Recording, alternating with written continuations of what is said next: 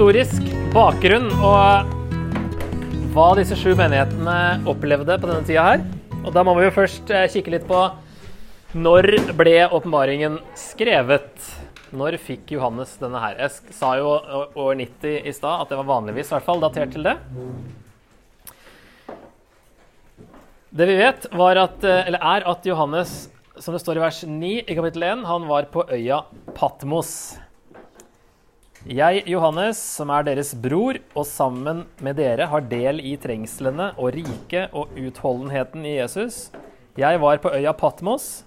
Dit var jeg kommet på grunn av Guds ord og vitnesbyrdet om Jesus. Så han sier han er på denne øya på grunn av Guds ord og vitnesbyrdet om Jesus. Så det er en eh, vanlig tolkning og en lang tradisjon for at han var der som en del av forfølgelsen på den tida her. At, og han ble Det var en sånn fangeøy, dette her, da. Patmos. Ikke ferieøy den gangen. Men eh, da ble han liksom satt der i eksil pga. Guds ord og vitnesbyrdet om Jesus. Og vi vet at det var organisert forfølgelse kun under keiserne Nero, som var keiser 54 til 68 etter Kristus, og keiser Domitian, som var keiser fra 81 til 96. Det var, da, det var forfølgelse hele veien, fra pøbelen på torget, som det står i Apostelens gjerninger, og hissige jøder og sånt. Men eh, organisert av myndighetene så var det bare Nero og Domitian. Så jeg tenker at det er noe av det som er grunnen til at eh, Johannes plutselig er på Patmos, da, ute på en øy. Så det er egentlig da to dateringer. Den ene er under Nero, den andre er under Domitian. Ehm, under Nero, altså på 60-tallet, det er jo på slutten av regjeringstida si at Nero begynner å forfølge de kristne. Og kaster dem til løvene og sånne ting. Så han eh, ble jo ganske sprø på slutten av eh, regjeringstida si. Alle, stort sett alle keiserne var jo litt mentalt spesielle. Eh, så, og de fikk veldig høye tanker om seg sjøl. Eh, hadde nok litt for mye makt, kanskje. Ja. Og det var to, bare to av de. Jeg tror det var Tiberius og Claudius. Tiberius vet vi jo vel i starten av Lukas, nevnes vel han? Tror jeg. Gjør det ikke? At det var i Tiberius' et eller annet 15. år at Jesus, eller døperen Johannes sto fram. Det var to av de som faktisk gikk imot den her keiserdyrkelsen. Det at folk skulle tilbe dem som guder. Det var liksom, De fleste var liksom etter sin død da, at de ble liksom opphøyd til å være en gud og ble tilbedt. Men noen av de mente å bli tilbedt mens de var guder. Nei, mens de var keisere. Jeg er en gud, tilbe meg. Eh, bare to av de gikk aktivt imot det. Og inntrykk av at de var de mest stabile, som ikke så på seg sjøl som guder. Eh, de som mener at det under Nero på 60-tallet, tenker da at eh, det nevnes fem Eller nevnes kanskje ikke direkte fem keisere i kapittel 17, men eh, det snakker om eh, Det, det tolkes ofte sånn, da. Om noen eh, Skal vi se, er det horn eller er det hoder? De sju hodene er sju fjell. Eller? Det er også sju, ja, de er også sju konger. Fem av dem er falt, én er nå, og én er ennå ikke kommet. Så det er jo et argument da hvis man inkluderer Julius Cæsar som den første keiseren, selv om han egentlig ikke var det. eh, Så får vi Nero som den sjette, da, som sier at den som er nå, og én ennå ikke kommet. Det er veldig kryptisk ting å basere det på, men det er i hvert fall ett argument. Også det andre hovedargumentet er eh, kapittel 11, når det snakker om tempelet som blir målt opp der. da. Eh, Reis deg og mål Guds tempel og alteret. Så hvis det er da det jordiske tempelet, så ble jo det ødelagt i år 70. Så det er et annet argument for de som da vil ha en tidlig datering. At da må det være, ha skjedd før det ble ødelagt. Men det er jo i denne boka langt fra sikkert at det er det bokstavelige jordiske tempelet som er ment. I der kapittel 11. Sen datering, det er jo som sagt flertallet. Det er under keiser Domitian på 90-tallet. Og det går helt tilbake til en som heter Ireneus, ca. år 180, som var faktisk bare to ledd fra apostelen Johannes. Han var en disippel av en disippel av Johannes, så han sto ganske nær Johannes. da. Og han sier at det er nær slutten av Domitians styre. Så de fleste um, mener det er en troverdig opplysning, og mange andre i Oldkirken òg, da. Um, gjorde det. Det er den eldste tradisjonen også vi har da, fra han Ireneus når det gjelder når det var skrevet. Så hvis vi ser på Domitian, da. Eh, forfølgelse er det vel uansett. Men vi ser på hvordan forfølgelse det var under eh, denne her fyren. Eh, greske og romerske forfattere lager et brutalt bilde av ham. Og en som heter Tertullian, en uh, av de kristne, da, han kaller han for den nye Nero. Så det er jo en sånn Han oppfører seg som Nero. For han forfølger de kristne på samme måte som Nero gjorde. Og en annen som heter Eusebius, som skriver kirkehistorie på tidlig 300-tallet, han sier at uh, han viste seg som Neros etterfølger i fiendskap og motstand mot Gud. Så han gjenopplivet denne keiserdyrkelsen og ville bli tilbedt som gud. Alle kunngjøringer fra myndighetene begynte med 'Vår Herre og Gud Domitian befaler'. Og de som nekta å anse han som guddommelig, ble henrettet eller bannlyst, som da Johannes kanskje hadde blitt. da. Landsforræderi ble sett på som det, da, siden keiseren representerte Roma. Og ved å ikke tilbe keiseren når keiseren befalte det, da var du en trussel og måtte forvises eller drepes. Han forfulgte filosofer og religioner som han anså som fiendtlige, og han undertrykket jødedommen og kristendommen. Og faktisk så eh, kunne man fornærme hans guddommelighet ved å bue på idrettslaget som han liksom eh, Det var hans idrettslag, eller det han jeg vet ikke, heia på, eller et eller annet. Hvis du da bua på dem, så kunne du dø, faktisk. så det var, det var eh, Sånn var det å ha all makt den gangen. Um, på Johannes sin tid så hadde minst tre av de sju menighetene hadde templer til keiseren. Efesus og Smyrna og Pergamon, Pergamon hadde sånne keisertempler der man kunne tilbe keiseren, eller i hvert fall brenne noe røkelse og sånt for keiseren. Da.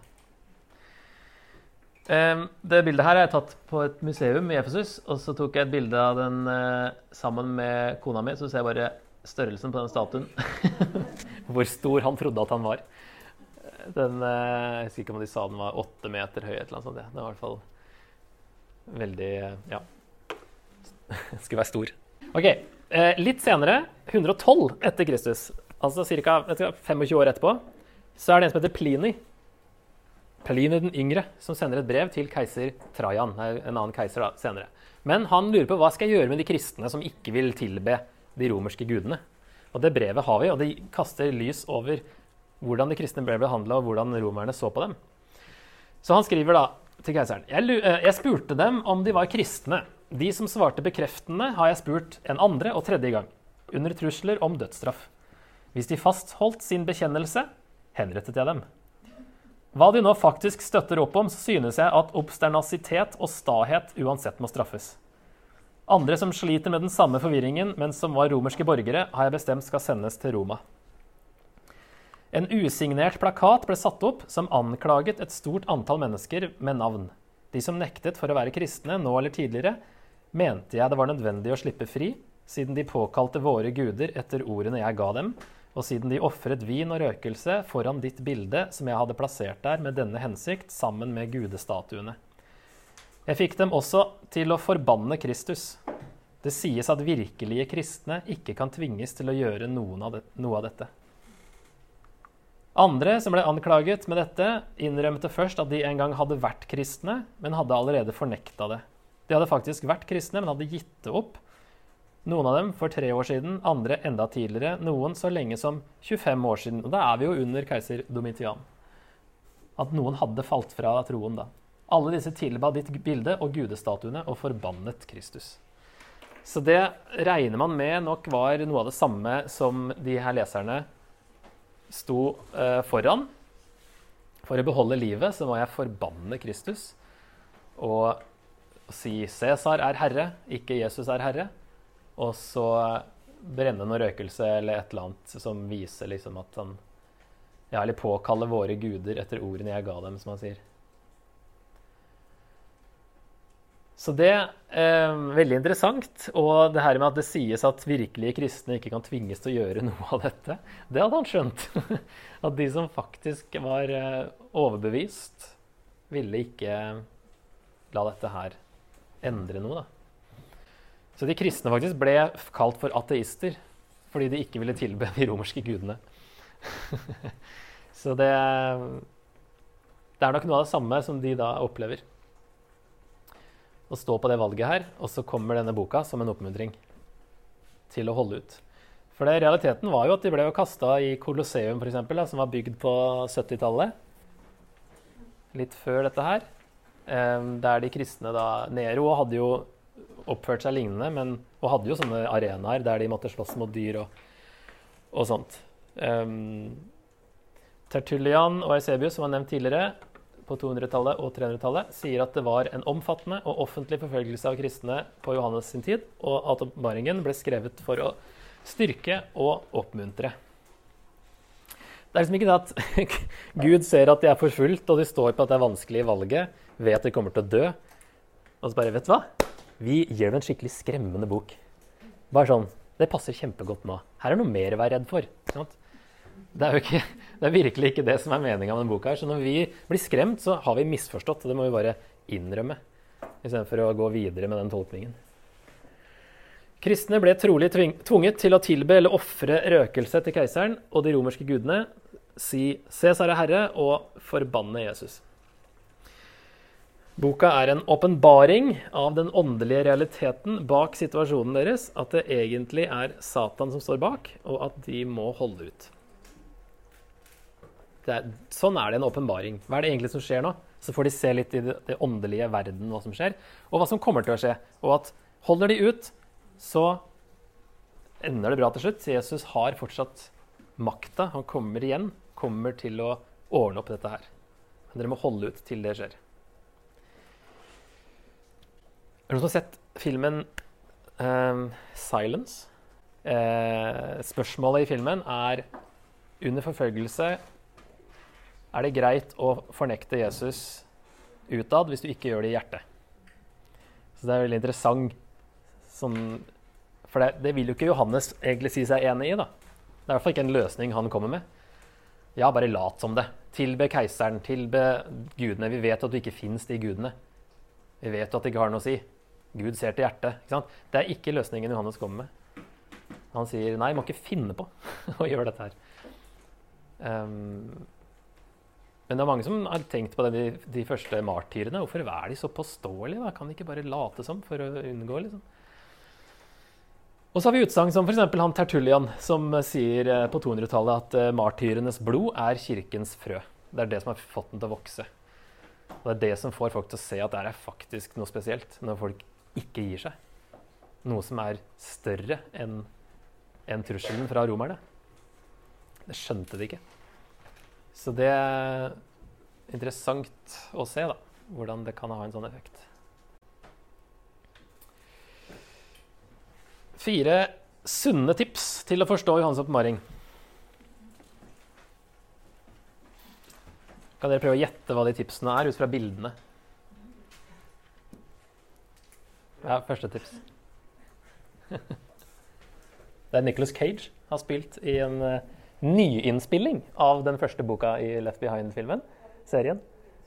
Fordi de lagde jo en først med han Kirk Cameron, en kristen dude. Og så ble ikke det bra nok. Eh, eller fikk ikke god nok respons, ifølge forfatterne, eller jeg vet ikke. Så de ville ha med en ordentlig skuespiller, da. Så de lagde en ny. Jeg tror ikke den fikk noe mer heller. Men jeg tror broren til Nicholas Cage er kristen eller et eller annet, sånn, overtalt den, eller et eller annet sånt. OK. Hva kan være tipset her, da? Les induktivt. Altså, det vil si, legg vekk forutinntatte meninger. Ikke les Johansson Baring med Left Behind ved siden av. Eller ikke les Johansson Baring med avisen ved siden av. Og hva skjer i Midtøsten nå? Og så ser vi hvordan det passer inn. Det er mange som gjør det. Men ikke gjør det. Da Les bare boka, og la den liksom tale sjøl. er eh, veldig bra tips. Ok, Neste bilde.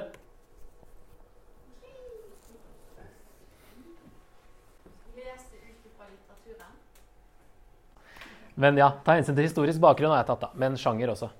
De første leserne forsto den og ble oppmuntret. Her kommer den. Ta hensyn til sjangeren. Med tall og symboler og, og sånne ting. OK, og siste. Hva kan den eh, bety? Tenk kontekst. Budskapet må passe med resten av Bibelen. Det er jeg veldig overbevist om. det må passe inn. Og en påstand det er det samme budskapet, bare sagt på en helt annen måte. Det tror jeg er veldig lurt å huske på. Det skal ikke komme noe helt annet her, altså. Som det må passe inn med evangeliet, som vi vet i de bøkene der det er tydelig. Det her er jo ikke tydelig i det hele tatt. Vi må basere det vi tror på, på de tydelige brevene til Paulus og evangeliene, der det er mye lettere å forstå hva som sies. Og så må den her komme inn til slutt og må passe inn i det vi allerede vet. Det er jo ikke alle som er enig i det, men jeg mener det er veldig viktig. Ok, Skal vi se på en oversikt av boka da, som eh, vil hjelpe dere når, dere leser gjennom. Eh, den er litt komplisert, som dere ser. Det er en del ting som skal inn her. Det begynner med en eh, åpningsvisjon av Jesus i kapittel 1. Der Johannes hadde den åpningen vi leste i stad. Han er på Patmos pga. forfølgelse. Og eh, får da På Herrens dag, står det, og det er jo da egentlig bare søndagen. Det er et annet uttrykk enn liksom dommedag, som også kalles Herrens dag. Men det er eh, på gresk ser man et annet uttrykk, da. Så på søndag kom, herren, kom ånden over meg. Jeg hørte en røst bak meg, mektig som en basun. Røsten sa, det du, det du, får se, skal du skrive i en bok og sende til de sju menighetene, til Efesus, Myrna, Pergamon, Tiatira, Sardes, Philadelphia og Laudikea. Jeg snudde meg for å se hvem som talte til meg, og så ser han Jesus og beskriver han veldig mektig. Så det er åpningen. Eh, og så kommer disse brevene til menighetene i kapittel 2 og 3 der noe fra denne åpningsvisjonen av Jesus brukes til hver av de menighetene. Så de henger litt sammen, de her, da. 1, 2 og 3. Og så er det jo det her kapittel 4, da. ikke sant? Er det et, plutselig et hopp fram, eller hvor er vi? Kapittel 4 og 5, da er det en visjon av himmelen, Guds trone og det seirende lammet. Deretter så jeg, og se, en dør var åpnet i himmelen, og den røsten jeg før hadde hørt tale med klang som av en basun, sa til meg, stig opp hit, så vil jeg vise deg det som heretter skal skje. Så det er jo noe framtidig der, men hvor framtidig er det? Og så står det også i vers eh, Ja, det er vers 1, faktisk, ja. At han skulle vise sine tjenere det som snart skal skje. Så det er jo noe som snart skal skje der, men hvor snart er det? Så der ser jeg i hvert fall eh, Guds trone og at lammet har seiret, og derfor kan lammet åpne denne rullen med sju seil. Og det er kapittel 6, 7 og første vers i kapittel 8, faktisk. De sju seilene. Og for å ta de veldig eh, sånn i stikkord, så er det beskrives det en seier, krig, sult, død, martyrenes lengsel, som spør Gud skal ikke du stoppe det her snart. Så sier eh, Gud nei, ikke ennå. Hold ut litt til. Så kommer det en dom, og så er det 8-1 er bare en stillhet. Da, det, da lammet brøt det sjuende seilet, ble det stille i himmelen omkring en halv time. Halvtime er ikke så lenge når vi tenker vanlig tid, men i en visjon er jo en halv time ganske lenge. At det ikke skjer noe på en halv time. Det er bare stille. Og det kan jo da lett symbolisere eh, enden på alt. Altså etter dommen så kommer stillhet. Altså evigheten har begynt. For det her er liksom første runde. For det, historien gjentar seg tre ganger. Er det store, eh, gode argumenter for å, å, å mene. Så du kan si at De første sju seilene er en beskrivelse av resten av verdenshistorien fra Johannes sitt ståsted da, og til, til Jesus kommer igjen, egentlig. Men i første runde så er da selve klimakset bare ett vers. Det er stillhet. Og så neste runde så får vi mer, og i tredje runde så får vi to kapitler helt på slutten av boka der det er veldig stort. Men det, det er en sånn gradvis progresjon som eh, man vet i hvert fall at han her som skrev den første kommentaren, Victorinus het han, eh, på ca. 300 etter Kristus, han, eh, han, mente at det skulle tolkes sånn. Og det kan jo være at flere før han òg mente det. At det er en gjentagelse. De sju seilene, sju basunene og sju skålene er egentlig tre runder der det går litt videre hver gang. da. Men det er en gjentagelse. Historien starter egentlig på nytt hver gang. Men så får vi se litt mer hver gang. Og Det vil også hjelpe til å forstå boka her. At den ikke skal leses som kronologisk linje. Og det er jo typisk apokalypser å messe litt med tid og perspektiver. At du plutselig ser det samme, bare fra et annen, annen vinkel. Og litt sånn nå ser vi i boka her òg, at uh, dette er det OK, han Først så hører han noe, og så ser han noe, og så er det det samme, men det ser jo helt forskjellig ut, liksom, som det beskrives. Så da, eh, Sju basunene fra kapittel åtte, og det er vel eh, kanskje hele elleve, er det det? Sånn cirka. Um, hagl og ild. Havet blir til blod. Vannet blir bittert. Det er mørke, det er gresshopper. Det er en enorm hær. Og det er et kongerike som kommer. Det ringer noen bjeller, de her tingene her, gjør det ikke det? Til Hvor har vi hørt om sånne ting? Gresshopper, mørke, hav til blod og sånt. Utgangen fra Egypt.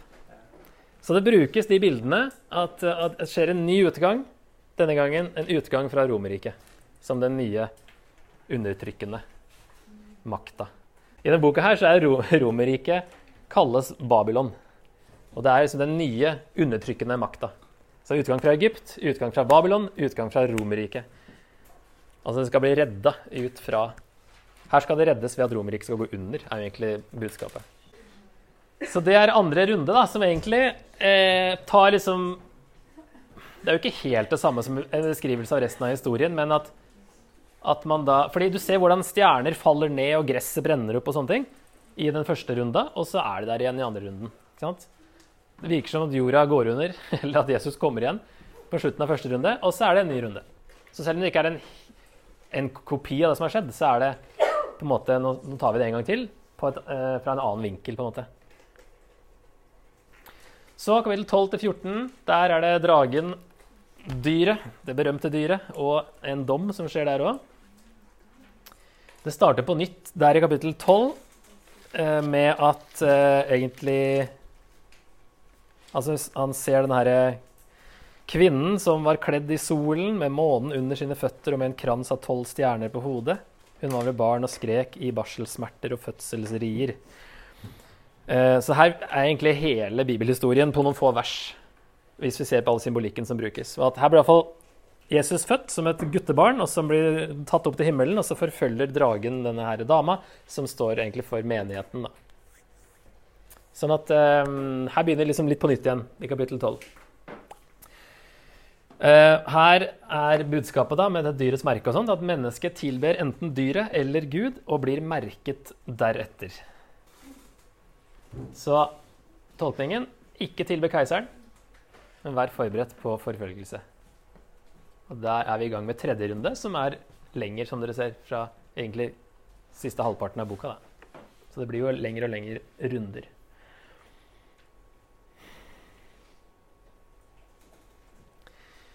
Så 15 og 16, der kommer de sju skålene.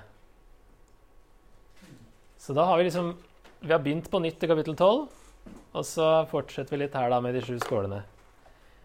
Byller Hav til blod, vann til blod, sola svir, mørke. Eufrat tørker opp. Og så er det slutt. Hva slags bjeller ringer de der tingene der?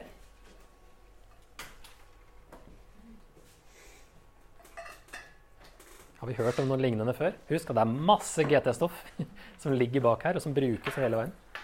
Så det er en veldig fin oppsummering av hele Bibelen, egentlig, denne boka her, på mange måter. Det er mye Egypt der òg. Absolutt.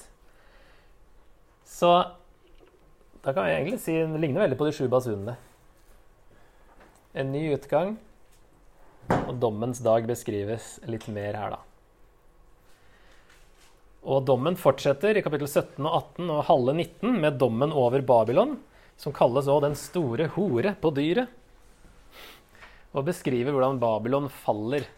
Som da nevner jo ikke Romerriket, men beskriver Snakker med om de sju fjellene som var inne på i stad. Og Roma lå eh, blant sju fjell og sånne ting. Så det er ting som liksom kan røpe at, eh, Og at det, kvinnen som sitter på det store havet. eller noe sånt. Og hvis du ser på kartet ved Romerriket, så var jo det rundt Middelhavet. Så sånne litt kryptiske beskjeder. At det er Romerriket som sitter på Middelhavet, på en måte. Um, og som dømmes her, selv om det nevnes, kalles Babylon. Men du har òg første Peter. Slutter jo med å hilse fra at han sitter i Babylon, så de brukte jo det. Hvis han var i Roma, da, som tradisjonen sier, at han endte opp der på slutten av livet, så står det deres søster i Babylon sender sin hilsen. Altså deres, eh, de kristne i Roma da, hilser. Så de brukte Babylon om, eh, om Roma som en sånn undertrykkende, ugudelig makt. Som òg da faktisk begge to ødela tempelet i Jerusalem. Så det er en veldig klar link der, da. Så her er det nok eh, tolkningen da at Romerriket går under og beskriver hvordan det skal skje, og at det skal skje. Så kommer Jesus igjen, kapittel 19, 11 og utover, og den eh, dommen skjer, og der er det også tusenårsriket nevnes. Og så har vi helt til slutt en ny himmel og en ny jord i kapittel 21-22, der det beskrives fantastisk hvordan det skal bli til slutt. Fortsatt mye GT-stoff som brukes der, men vi får to kapitler i stedet for bare ett vers, som vi fikk i 8.1 her. Og så får vi litt mer her på slutten, da, i kapittel 11. Så siste tre minuttene. Hva føler eller tenker du nå om Johannes' åpenbaring? Har det skjedd en endring disse to timene? Snakk litt om det.